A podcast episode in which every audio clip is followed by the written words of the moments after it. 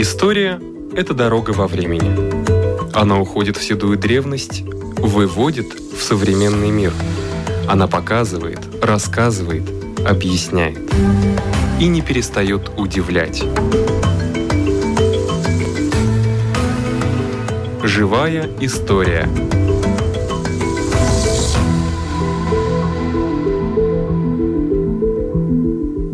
У микрофона Лидия Чера гостях искусствовед Анна Персиня. И разговор пойдет не столько об искусстве, хотя тоже об искусстве, но в основном об историческом искусстве. Правильно ли я понимаю? Латышское искусство появляется только в конце XIX века, где изображены исторические периоды Латвии. То есть это такой документальный портрет или это пейзаж? Нет, это больше разные события в это время. Например, фрагменты из хроники Генрика. В конце XVIII века западноевропейской культуры был очень популярным романтизм.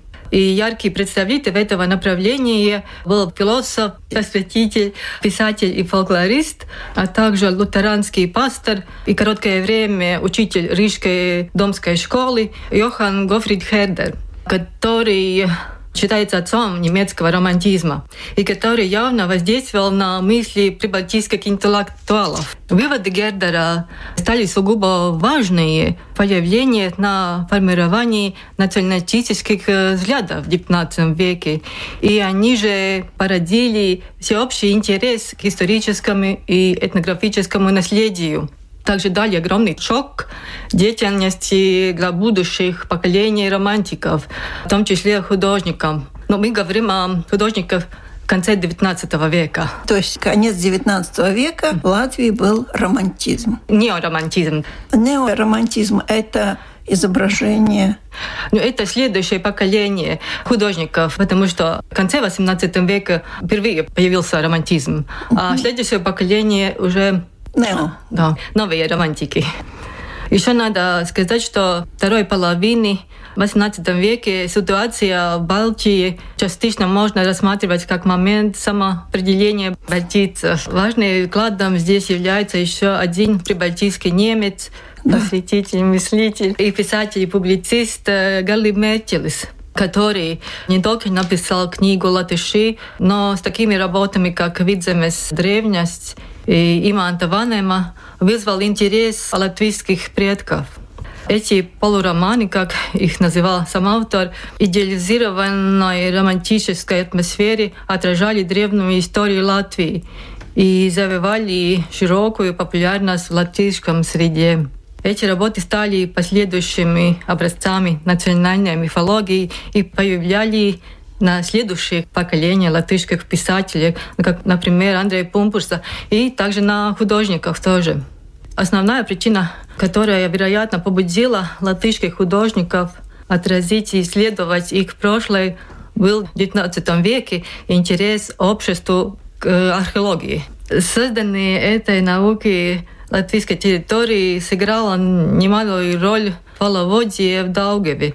В 1837 году в Айскраукле промывала очень богатый могильный материал ливов и латгалов. Эти находки привели к широкому интересу общества. И в течение года поощряла историка, профессора университета Тербатас, ныне Тарту, Фридриха Крузе делать раскопки и археологические разведки территории Латвии и Эстонии.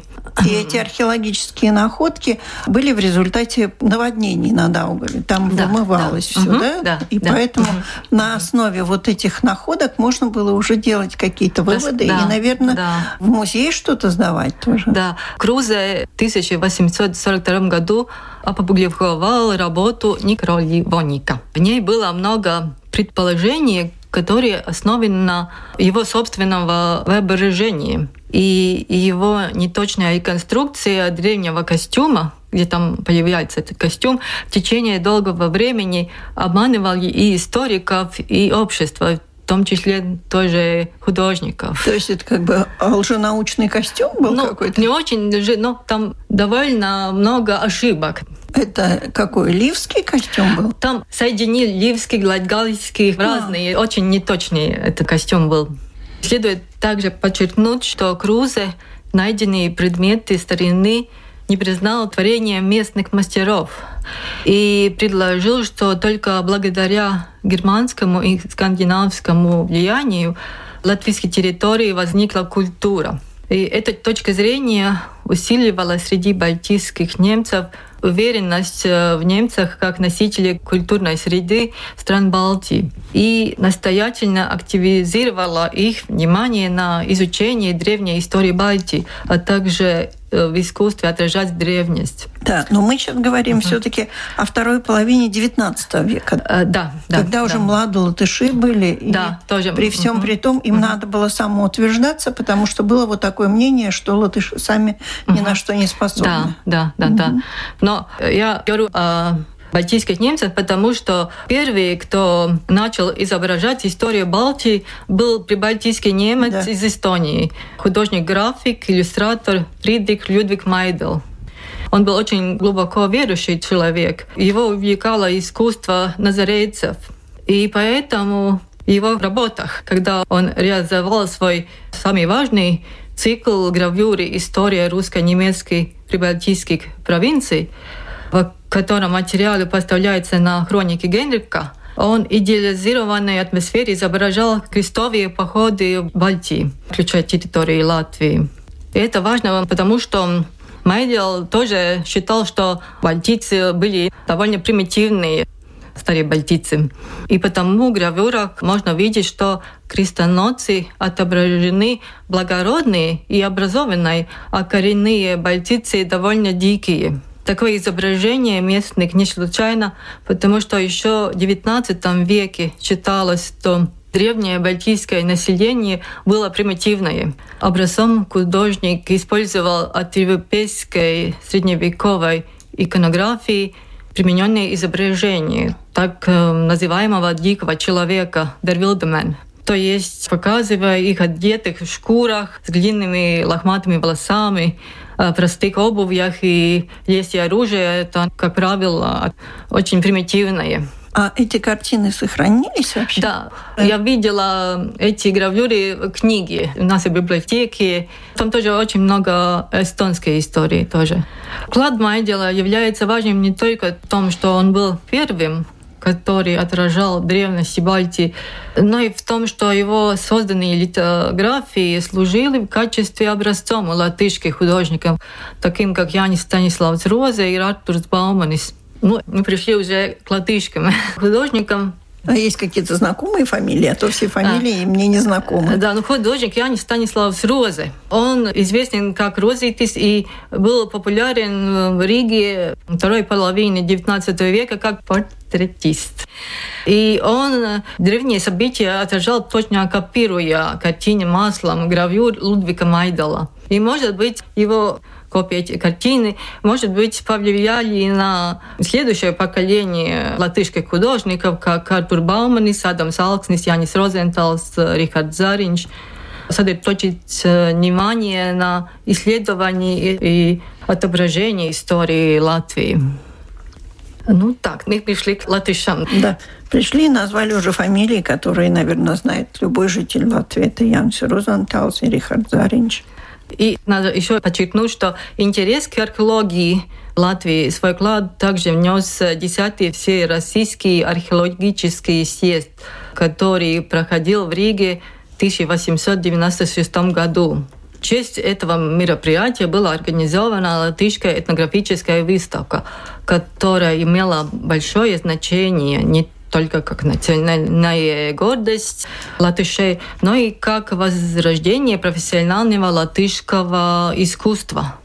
Участие в этнографической экспозиции и параллельно в археологической выставке Большой и Малой гильдии, однако не может быть признан как ключевой стимул что привело молодых художников изображать старые времена Балтии, потому что уже 1887 году Артур Бауманис создал картину «Лошадь судьбы».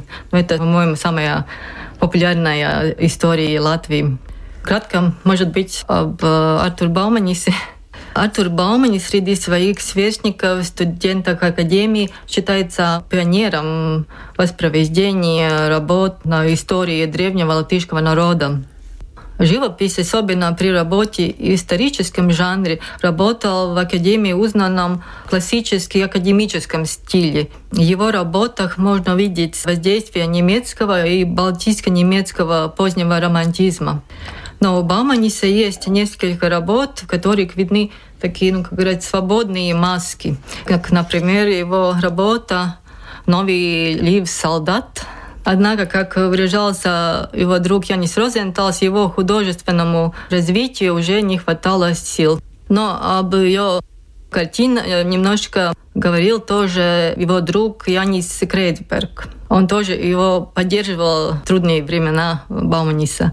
Бауманис был очень заинтересован балтийской древней историей. Крейцберг помнил, что художник серьезно изучал и искал материалы про данный период. Изучал хронику Генрика, и специальной тетради рисовал древних латышей и их костюмы, и также оружие, окружающую среду. Скорее всего, интерес к древности Бауманис приобрел уже в Санкт-Петербургской академии художеств, где учился у профессора Карла Веннинга и делал разные академические композиции на исторические и мифологические темы. Остались какие-то работы? Да. Бауманиса? Можно увидеть музей истории. В Национальном музее истории да. можно увидеть. Да. Я немножко могу рассказать о работе «Лошадь судьбы», что в нем отражается. Там Бауманис отражал эпизод из хроники Генрика, а именно июнь 1191, 12 век, год в Сигульде, когда Ливии с помощью лошади решали судьбу цистерианского монаха Теодориха, пожертвовать его Богом или оставить живым. Ну, оставить живым. Можно принять, что вдохновение рисовать именно этот сюжет у Бауманиса возникл от гравюры художника Фридрика Майдала. Надо отметить, что Бауманис полагался на информацию, предоставленную историками и археологами его времени. Поэтому в своей работе «Лошадь судьбы» изображений древних прибалтов он применил ранее названный образ дикого человека. Первобытные люди также появляются в его акварелях. Иллюстрация 1888 году, который украшает альбом Терра Мариана. Но концепция этого издания была построена с точки зрения католической церкви. И поэтому в альбоме были ошибочно изображены не только древние прибалты их среда, но и неверно представлены исторические факты. То есть ваша лекция посвящена тому, чтобы узнать, как художники XVIII-XIX веков изображали более старые времена, как да. они их видели, как они пользовались. Какими красками, какой информацией. Да. А у Яна Розентала тоже есть какие-то Да, тоже, работы? тоже есть, но не так много, как э, у Баумница и Адама Алксниса. Потому я, может быть, начну с Адама Алксниса, а потом уже Розенталса. Хорошо. Второй художник э, конца XIX века, который выделяется среди своих современников, латвийская древняя история, это художник Адам Алкснис. В отличие от Арту Баумниса, Алкснис, будучи первым руководителем прогрессивного круга художников Рутис и Тагном, в своей творчестве развивался в направлении в стиле современно-академическому дополнение к жанру портрета, пейзажа и бытового жанра Алакснис все больше и больше интересовался сюжетами о прошлой Балтии, особенно о героической борьбе земгальцев против немецких крестоносцев. Поэтому в его творчестве имеется ряд эскизов на эту тему заложники, борьба с крестоносцами, убийство пахаря ну, и другие. И этих работах и ряду других его эскизах видно, что художник использовал археологические материалы, в том числе Фридрика Крузес ошибочные реконструкции костюма. Яркий пример того является рисунок Алкснеса «Эскизы древних бойцов», в котором художник скрупулезно повторил Крузес созданную одежду и оружие, а также его неточные детали в историческом костюме, как ложный шлем, который на самом деле венок латгальских женщин позднего железного века, а также украшая колени персонажа браслетами, что даже с точки зрения анатомии было бы трудно носить, может, невозможно. А Розентал? Розентал тоже. Ее творчество была очень разная. Но и тоже немножко есть а, исторические, исторические картины, да? Да, картины. Но интересно, что Розентал эти работы в стиле модерн. И такие работы можно видеть на обложках журнала «Вērotājs», «Наблюдатель» и э, также периодических изданиях, как тоже из сказок и учебниках. Интересно, его литография «Стрелок» — это, может быть, самая такая популярная который изображен древний боец. И его изображение можно увидеть аналогию с финского художника Аксела Галена Калела с работой «Убийца браса». Такое сходство искусстве Скандинавии не случайно, потому что Розентал был очарован известными финскими художниками. Свою преданность финскому искусству художник передал в письме своему будущему тестю работах Розенталя тоже, как и Баумниса, и Алксниса, можно найти влияние от неточной реконструкции исторического костюма. Например, в его картине «Легенда» и также его символическом свадебном приглашении. Хотя мотивы древности в творчестве Яниса Розентала не преобладает большое количество более видимых сцен из Библии и мифологии, но его вклад является введение стиля модерн в этом жанре. Последний, может быть, автор, который мне интересен, это Рихард Зарин. В его работах видно типичный консервативно-национальный стиль. Художник приобрел знания Центральной технической рисовальной школы Штиглица у профессора Василия Матте и достиг таких превосходных, превосходный уровень прикладной графики. Древние Прибалтии более или менее узнаваемые в цикле «Что латвийский лес шумит» работа «Смутные времена» без Гауес. Последние рисунки, где изображена драматическая сцена самоубийства матери и ребенка, художник древних латышских создал одежду явно под влиянием реконструкции. Это самое Фридриха Крузе с реконструкцией. То есть все они под влиянием. Так мне кажется, да. Так, да. Потому что реконструкция Фридерика Крузес была одна из первых, и еще латыши все не создавали профессионально такую реконструкцию в археологии, что, можно сказать, это сделал профессор. И потому эти художники, по-моему, полагались на эту работу. Mm-hmm.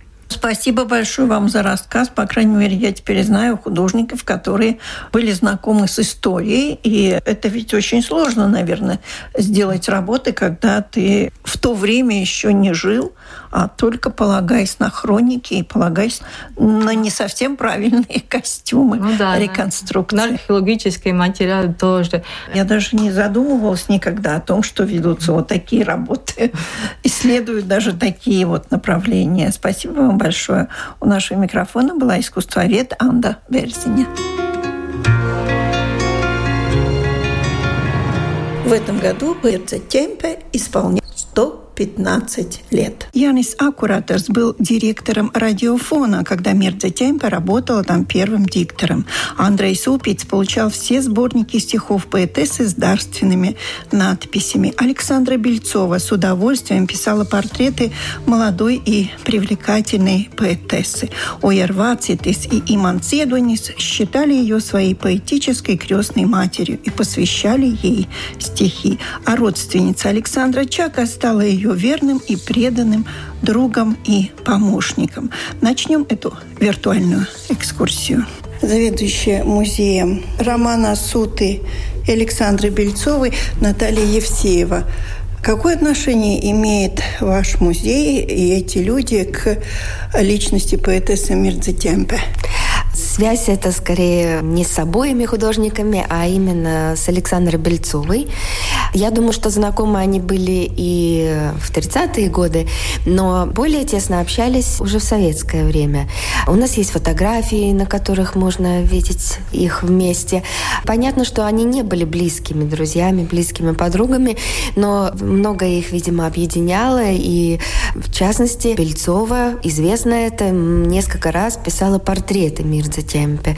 У нас сохранились эскизы к этим работам. Два готовых портрета, законченных, и эскизы к тем портретам, которые сейчас, скажем, вот один из них находится в коллекции Союза художников Латвии, и один из портретов находится в коллекции Музея письменности и музыки. Мне кажется, что художницу, это видно по эскизам и по этим портретам, привлекала яркая внешность поэтессы. Рыжие волосы и такие чувственные полные губы. Она это акцентирует в своих работах, это видно. И какие-то обычно детали туалета подчеркивает в портрете. То есть э, явно вот женская природа поэтессы, ее яркая внешность и яркая личность как таковая привлекали ее. Да, ну чисто по возрасту у них большая разница в возрасте была. Да, но я не думаю, что это могло бы быть препятствием для их близкого общения, потому что у Бельцовой было много друзей, подруг, с которыми действительно у них была разница 10 лет и больше. Но просто, может быть, как-то, ну, так сложилось, что вот с кем-то она была более близка, с кем-то меньше. Ну, есть фотографии с творческого вечера Бельцовой, встречи как бы художника со зрителем, и на ней обычно присутствует присутствовали те, кто поддерживает этого автора, кто как бы может сказать что-то еще о нем. И вот на этом вечере можно видеть и Мирзу Темпе, которая читает свои стихи. Ясно, что, по крайней мере, творческая часть их объединяла.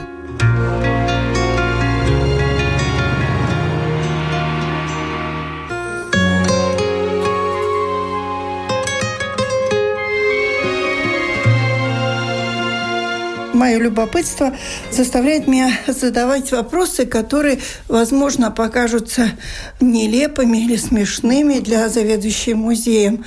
Ой, Равация Тиса, Тиса. Скажите, были знакомы Мирдзе Темпе и Ойер Вацетис? Да, более чем. Ойер Вацетис еще, когда он учился в средней школе в Гауена, посылал в, в Союз писателей свои стихотворения ну, на консультацию. Этим консультантом в Союзе писателей была Мирдзе Темпе.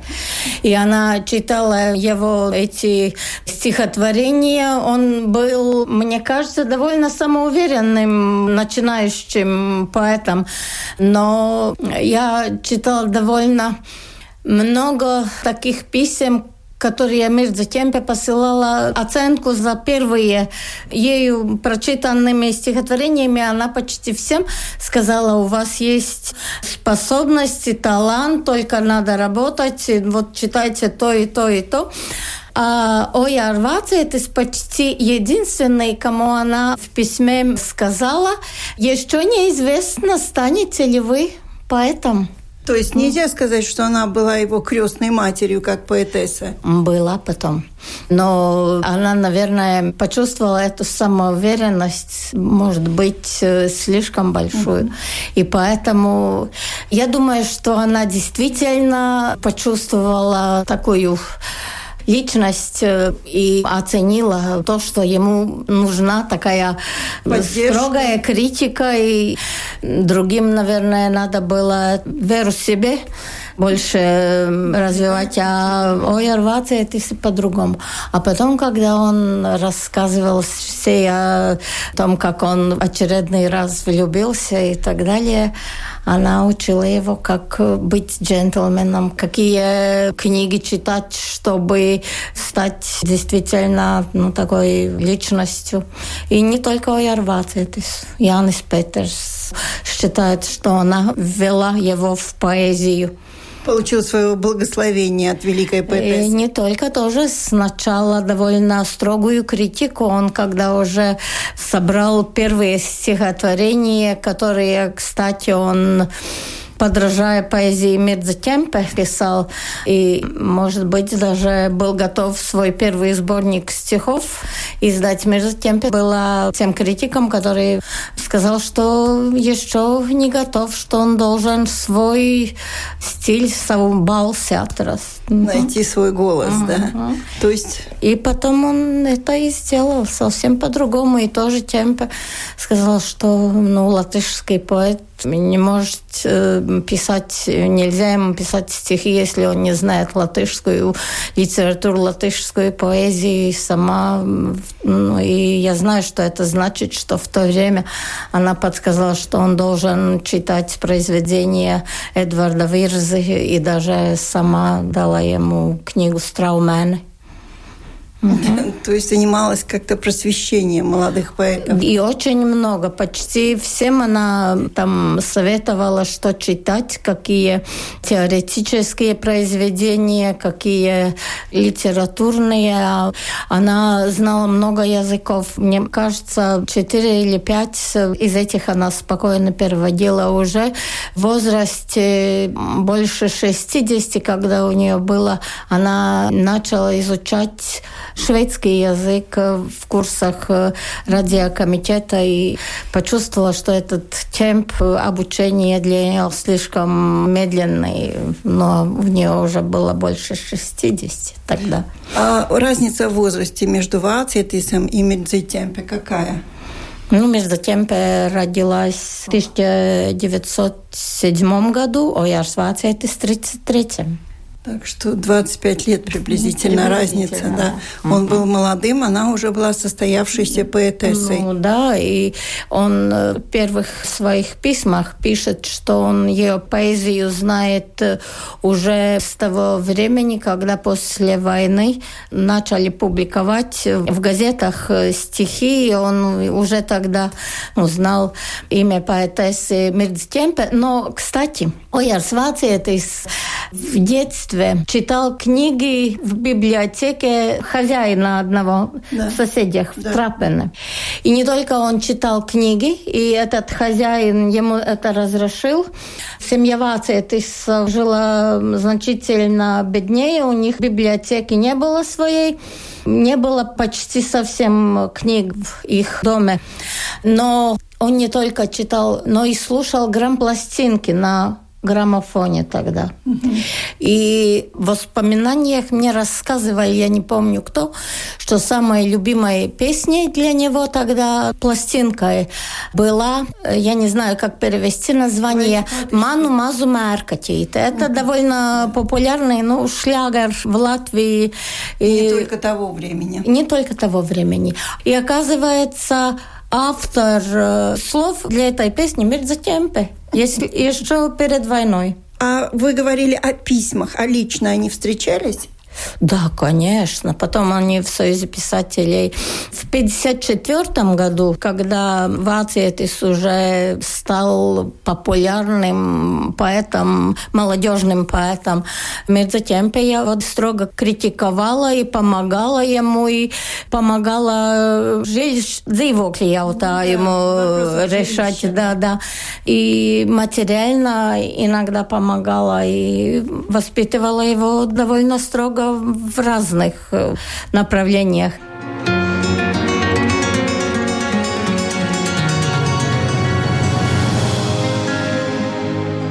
Музей Яниса Аккуратора представляет Майра Валтере. И в этом случае мне бы хотелось знать, естественно, как и когда Мирза Темпе работала диктором на латвийском радио. Она была первый диктор на Рижский радиофон, так назывался в это время радио. И это было с 1928 года. И с 30 -го года руководитель радиофона был Янис Акураторс. В это время Мирза уже кончил работать как директор, потому что она заболела, заболела туберкулезом. Ей надо было поехать в санаторию, и надо было лечиться. Но Потом она продолжала работать в радио, но не как диктор, но как заведующая литературного раздела. И она очень много переводила переводила песни, переводила литературные работы. И в это время было модно поставить музыкальные представлений. И она была такая, что переводила из немецкого, из французского, из английского и песни. И они пели в латышском языке. Но песни были из Франции, из Англии, из немецкого. И в это время они были вот как бы работали вместе. И Янис Аккураторс, и Мельца Темпе. Но она знаменита как первая, первый диктор в радио. И в то время начинала и другая женщина работать как диктор. И она рассказывает, что очень их любили слушатели. У них было такое не знаю, как в это время радио, и вас э, слушатель тоже что-то подарит. Но в то время это было очень-очень-очень важно, модно, что конфеты, там несколько книги, всякие-всякие подарки были. И между тем даже с некоторыми слушателями продолжала общаться письмами. Даже с одной э, такой слушатель она подружилась, и лето жила в его хуторе. Так э, это было очень очень-очень интересное время, потому что радио это время только начиналось. И это было новое что-то, но очень-очень быстро развивалось.